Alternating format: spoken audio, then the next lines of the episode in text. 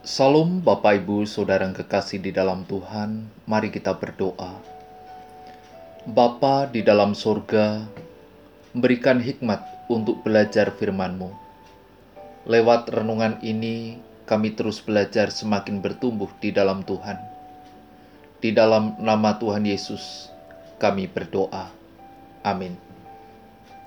Tema Kafir Jahil Matius pasal 5 ayat 22 berkata, Tetapi aku berkata kepadamu, setiap orang yang marah terhadap saudaranya harus dihukum.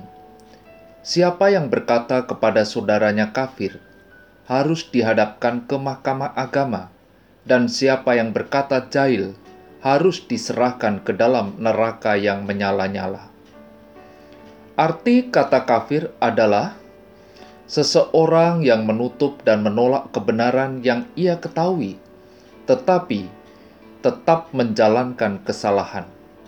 Sedangkan arti kata jahil adalah bodoh, tidak tahu terutama tentang ajaran agama atau disebut bebal.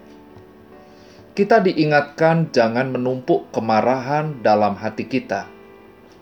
Kemarahan itu akan meracuni pikiran dan tindakan kita Kemarahan dapat menyebabkan kita kehilangan kendali diri dan berbuat apa saja pada orang lain.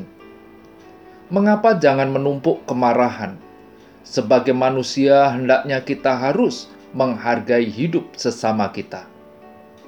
Tuhan Yesus menegaskan bahwa bukan hanya tindakan membunuh yang disebut sebagai dosa. Marah terhadap sesama, mengata-ngatai sesama manusia kafir atau jahil, sudah dikategorikan pembunuhan.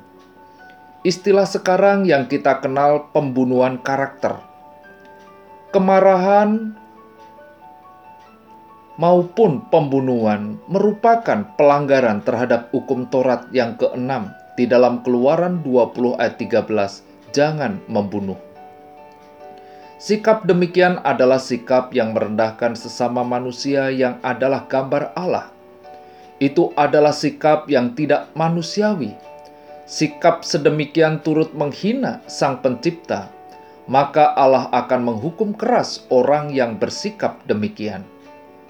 Dengan demikian, Kristus menunjukkan dosa mana yang paling jahat, yaitu dengan menyatakan hukuman yang paling mengerikan bagi dosa tersebut.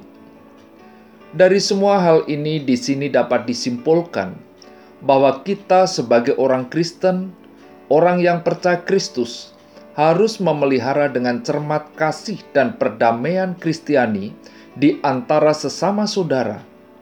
Setiap kali terjadi pelanggaran, kita terus berusaha dan terus memohon pertolongan Roh Kudus menciptakan perdamaian dengan mengakui kesalahan kita, berdoa memohon kekuatan dari Tuhan, meminta maaf kepada sesama yang bersalah kepada kita, atau sebaliknya. 1 Petrus 4 ayat 8 berkata, Tetapi yang terutama, kasihilah sungguh-sungguh seorang akan yang lain, sebab kasih menutupi banyak sekali dosa. Inilah aturan yang mulia dalam kekristenan. Orang-orang Kristen harus saling mengasihi dan upayakan dengan sepenuh hati untuk mencapainya. Kasih lebih besar daripada iman atau pengharapan. Demikianlah tinggal ketiga hal ini, yaitu iman, pengharapan, dan kasih.